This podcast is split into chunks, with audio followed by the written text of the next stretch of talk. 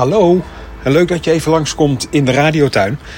Het is mijn eigen stadstuintje, ergens in Zeeland, waar in elk geval weer een hoop sneeuwklokjes bloeien. En die hebben een bijzonder antivriessysteem.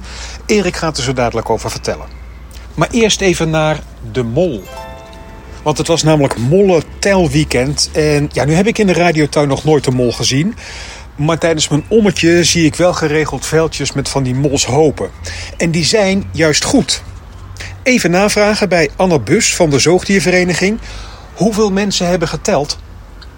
En in Zeeland waren er uh, 23 uh, deelnemers die meegedaan hebben. En dat is er echt al een stuk meer dan vorig jaar. Vorig jaar hadden er uh, vijf mensen meegedaan. Dus het is echt waanzinnig goed gegaan in ieder geval.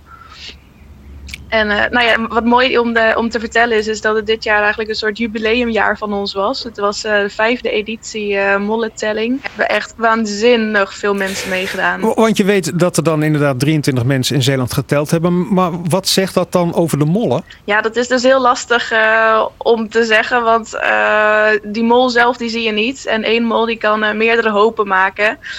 maar wat voor ons heel belangrijk is, is om te weten waar die mol precies zit. Dus zit hij in het hele land? Zit hij ook over heel Zeeland verdeeld bijvoorbeeld? Of zit hij maar uh, op enkele plekken? En waarom is dat belangrijk om dat te weten? Omdat er dus nog uh, eigenlijk heel erg weinig bekend is over die mol. Juist omdat je hem niet ziet. Juist omdat er dus uh, geen mensen zijn die echt alleen die mol kunnen tellen. En er wordt gewoon heel weinig onderzoek naar gedaan. Wat schieten we dan op met al die kennis die jullie verzamelen? Ja, dan weten we waar die is. En waar is dat dan goed voor? Nou ja, die mol die is, uh, die is hartstikke belangrijk ook voor, uh, voor de bodem. Uh, hij graaft gangenstelsels waardoor de bodem een stuk luchtiger wordt. hij eet insecten en larven op van, van beesten waar wij ook niet op zitten te wachten. dus het is gewoon ja, heel goed voor de bodem dat die mol er zit. En omdat er dus zo weinig over bekend is en omdat mensen hem vaak juist als negatief bestempelen, willen we ja, laten zien dat die mol juist wel heel leuk is. En ja, dat het heel positief is dat hij dus aanwezig is. Ja, want dan zeg je inderdaad wat. Hè? Mensen zien die mol liever niet, toch in elk geval niet in hun eigen tuin. Ja. Maar dat is eigenlijk de verkeerde gedachte als ik jou zo hoor. Eigenlijk moeten we juist blij zijn met die mol.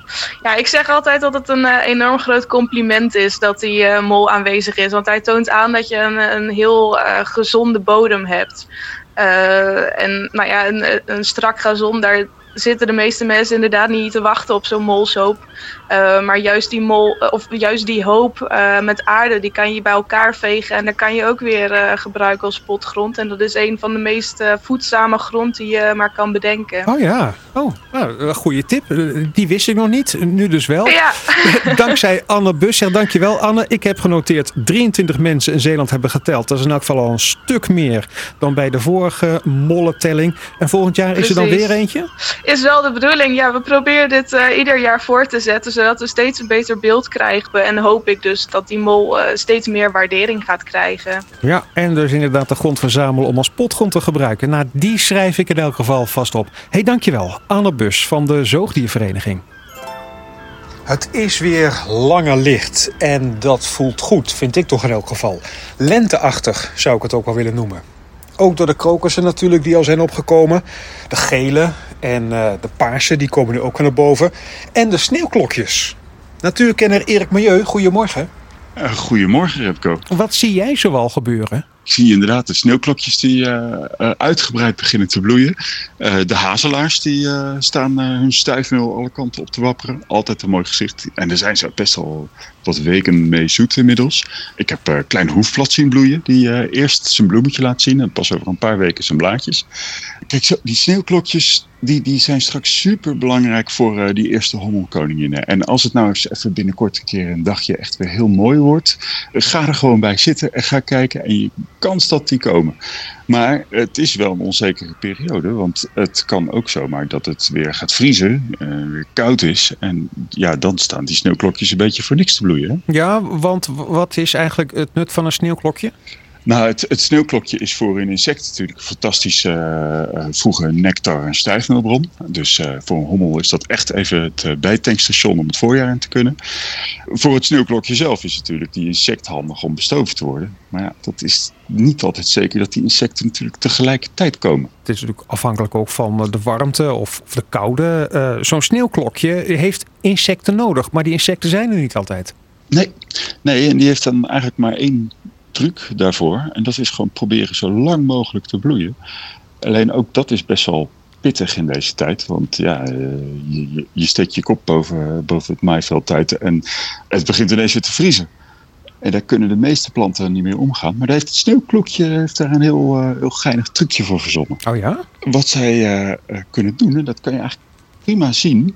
Als er ergens sneeuwklokjes staan te bloeien en het vriest, en het vriest heel hard, dan gaan ze met z'n allen slap hangen. En komt het zonnetje weer tevoorschijn, dan veren ze allemaal weer op. Want wat een sneeuwklokje doet, is die stopt eigenlijk heel veel suiker in die plant, waardoor de, de cellen niet kapot vriezen.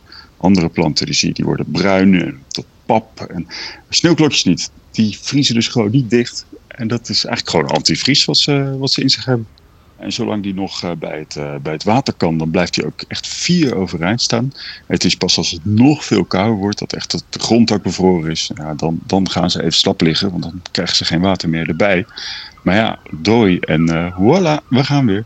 Dus die kunnen wekenlang achtereen kunnen ze goed blijven. Ik zie ze nu weer boven de grond komen. Ze staan ook in de radiotuin. Maar tot wanneer blijven ze staan dan? Geef het nog een paar weken hoor. Dan staan ze nog uitbundig te bloeien. En waarschijnlijk straks nog ietsje uitbundiger dan nu. Nou, mooi. Kijk, ze hebben ook sneeuwklokjes nut. Gelukkig maar, want ik zie ze heel erg graag. Hé, hey, dankjewel Erik. Ik spreek je volgende week weer. Graag gedaan Remco. Tot volgende week. Nou, ik heb een hoop geleerd in elk geval. Over de antivries in het sneeuwklokje en over de voedzame grond van molshopen. Alle radiotuinbabbels vind je op radiotuin.nl. Als je ook iets in je tuin ziet waarvan je denkt van... hé, hey, dat moeten ze even weten daar in die radiotuin... laat het even horen via radiotuin.nl. Tot volgende keer.